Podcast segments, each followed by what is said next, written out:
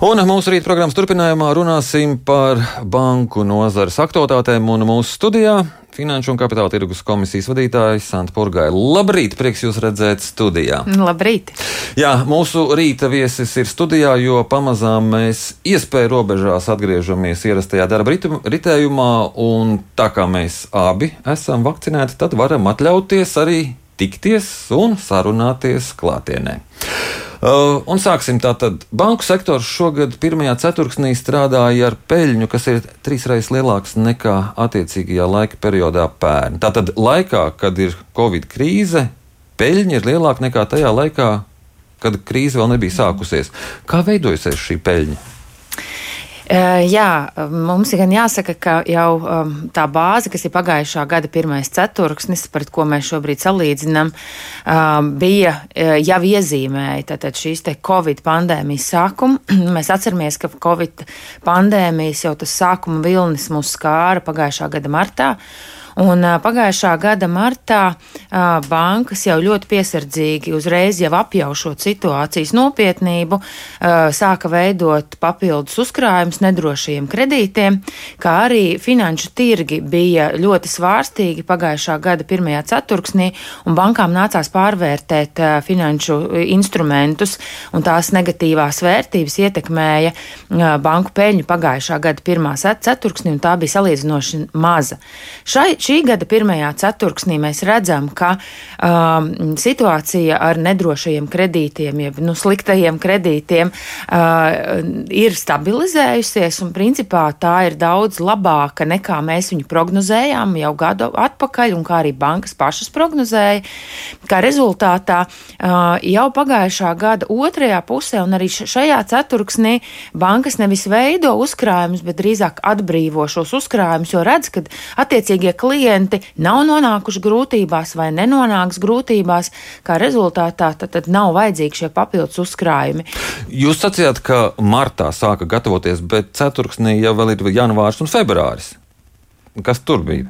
Uh, bet, protams, tie pirmie mēneši bija, bija pietiekoši normāli, kā saka, gada sākuma mēneši, bet to lielāko korekciju pagājušā gada pirmā ceturksnī ievies tieši marta. Tad martā pilnīgi kritums? Marta beigās vienkārši bankas izveidoja šos uzkrājumus masīvi par pirmo ceturksni jau. Tad uh, tā ir vienkārši tā kā nolikta rezervē nauda. Tad. Jā, jā tā, tā tas ir. Un tad uh, tā peļņa šobrīd ir tāda nosacīta. Nē, nu tā nav nosacīta, jo mēs redzam arī, ka pašas eh, bankas no pamatdarbības, kas ir procentu ienākumi un uh, komisijas ienākumi, arī noteikti situācija ir daudz labāka nekā pagājušā gadā, jo redzam, ka neskatoties uz, eh, uz, uz Covid pandēmiju, būtiski ir audzis arī banku kredītportfelis, uh, un, un tas ir ievērojamāk audzis tieši mājokļu kreditēšanā. Mēs redzam, ka ļaudis ir ļoti saprātīgi sākuši sākuši domāt par, par, par, par saviem uzkrājumiem, tādējādi, ka izmantojuši daļu šo uzkrājumu pirmai iemaksai, jauna mājokļa iegādai, un tādējādi tieši mājokļu kreditēšanas tirgus ir, ir pēdējā pusgada laikā, es teiktu, tieši, tiešām ļoti aktīvs bijis. Būtiski audzis kredīta portfelis. Kā, kāpēc? Iepriekš runāja par to, ka bankas nelabprāt dod šo naudu. Nu, kā jau teicu, pamatā te ir vairāki faktori. Tiešām audzis ir mājokļu kreditēšanas, gan pieprasījums, gan piedāvājums. Arī aug uzņēmumu kreditēšana, it īpaši mazo un vidējo uzņēmumu kreditēšana. Te gan jāsaka, ka ir arī pāris tādi, kā mēs sakam, vienreizēji efekti. Mēs labi arī atceramies, ka Citadela banka publiski paziņoja par savu vēlmi un arī realizēja šo vēlmi un iegādājās Unikredita leasing portfeli visās Baltijas valstīs. Tas, protams, uzreiz deva tādu vienreizēju efektu, um, bet kopumā jāsaka, ka arī kreditēšana sāk uh, lēnām atgriezties. Un um, te jāsaka arī, ka, protams, tā situācija ir uh, dažāda dažādās bankās. Uh, ir bankas, kas kreditē vairāk, un man ir liels prieks redzēt, ka tieši tās mazākās bankas, kas um, ilgus gadus cīnījās, mainījās ar biznesa modeļu transformāciju, šobrīd jau ir nu, saka, diezgan nu, stabilas kreditēšanas tirgu tieši vietējo klientu kreditēšanā, un tur tie portfeļu pieaugumi pat ir, nu, kā saka, divciparu skaitļos noteikti. Bet cilvēkiem kredītus ņemt nav bail šobrīd? Eh, nu, kā jau teicu, mājokļu kredītu pieprasījums šobrīd ir eh, liels. Te jāsaka, ka tas ir, tas ir ļoti normāli, jo uh, cilvēki ir izveidojuši uzkrājumus, uh, cilvēki ļoti saprātīgi ir rīkojušies ar savām finansēm, šis varbūt ir īstais laiks. Kā saka, vienmēr var arī teikt, ka katra krīze kādam ir arī iespēja. Ja? Un, uh, un, un šajā, šajā situācijā jā, mēs redzam, ka, ka mājokļu kreditēšana un, un tieši nekustamie īpašumi, un, un mēs redzam arī, ka tieši uz, uz vienģimeņu mājām ir lielāks pieprasījums. Ja? Protams, te arī savus, savu šo te devu ir ieguldījumu devis ir, ir, ir Covid pandēmija, kur cilvēki ir sapratuši, ka cik būtiski ir, ka tev ir lielāks sava privātā telpa, ja? un, un izvērtējuši iespēju būt varbūt tuvāk dabai, kaut kur ārpus Rīgas. Ja? Kā, tas ir tas segments, kas arī ir pieaudzis. Bet, ja ir šāda aktivitāte, aktivitāte, vai tas nedraud ar pārkaršanu? Ne, šobrīd noteikti nav tādu, tādu signālu par pārkaršanu. Uh, viss ir mērojams uh, tāksim, tādā ļoti sabalansētajā izaugsmē. Un, ja mēs paskatāmies kopējo portfeli uh, pret um, kaut vai iekšzemes koproduktu, mēs joprojām esam nu, diezgan atpalikuši ja tajā negatīvajā zonā, kā tas būtu veselīgas ekonomikas attīstības scenārijā. Tad, tad eh, strauju dzīvokļu, nekustamā īpašuma cenu celšanos jūs nemanāt, kas varētu veicināt arī šo burbuli? Nē, šobrīd mēs to vēl neminam. Jā, vienam krīze ir iespēja, kā jūs sacījāt, bet citam krīze ir nepatikšanas. Cik daudziem ir grūtības atdot naudu? Jā, kā jau teicu, um, šo te uh, problemātisko kredītu uh, īpatsvars uh, salīdzinoši ir saka, labāks nekā mēs bijām prognozējuši. Kaut gan šeit jāsaka, ka nu, to galējo krīzes ietekmi uz banku kredītu portfeļiem mēs joprojām nevaram teikt, ka tā ir tā patiesā šobrīd ietekme, jo pirmām kārtām bija ļoti daudz dažādi valsts atbalsta mehānismi, kas palīdzēja, protams, cilvēkiem, gan, gan privātpersonām, gan nu, uzņēmumiem kārtot savas attiecības ar bankām. Paralēli tam arī bankas vienojās par šo privāto moratoriju, kas iekļāva šos atvieglotos nosacījumus, jeb atteikšanos no atļauju klientiem nemaksāt kredīta pamatsummas, maksājot tikai procentus. Un, un, un arī šie periodi tagad lēnām sāk beigties, un, un faktiski šobrīd ir tāds intensīvs monitorēšanas periods, kurā mēs skatāmies, vai tomēr kādi klienti joprojām nenonāks grūtībās, bet tādu, teiksim, privātpersonu personu jomā mēs nedaudz redzējām uz patēriņa kreditēšanu, ka tā portfeļa kvalitāte pasliktinājās.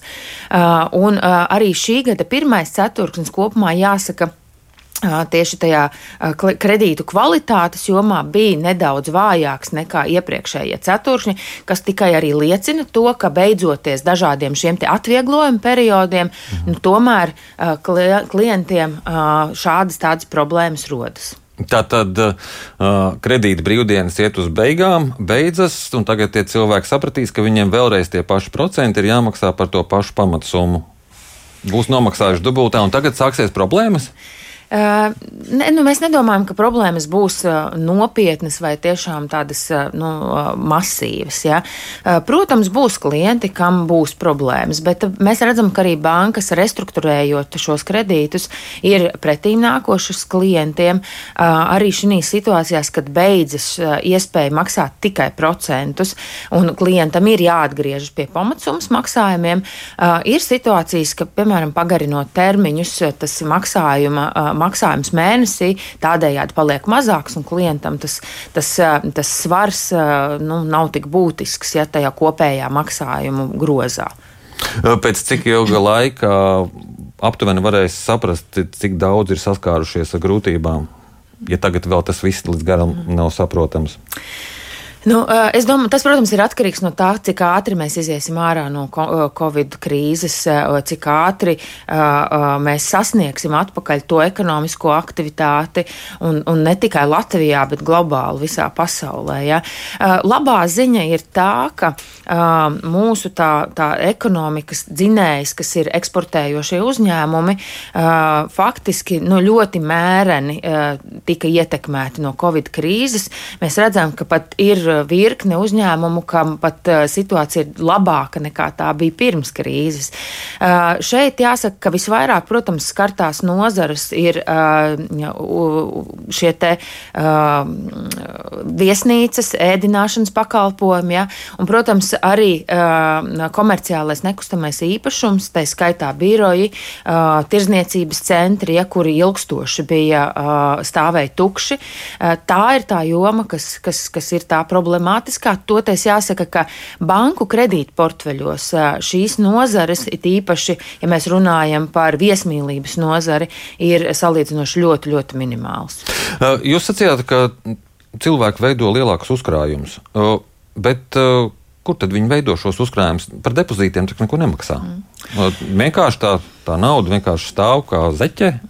Nē, no banka, banku kontos un banku depozītos, krājkontos šī nauda arī, protams, akumulējas. Mēs redzam, ka uh, pagājušā gada laikā uh, vietējo klientu depozītu pieaugums bija apmēram 15%. Tas ir nu, pietiekoši liels. Mēs redzam, ka, jā, klien, uh, ka uzņē, gan uzņēmumi, gan arī privātpersonas, bet nu, pārsvarā privātpersonas, uh, protams, nesteidza tērēt, uh, nolika, kā saka, ne, prognozēt prognozējot, kad nezinot, kāda būs situācija. Ja?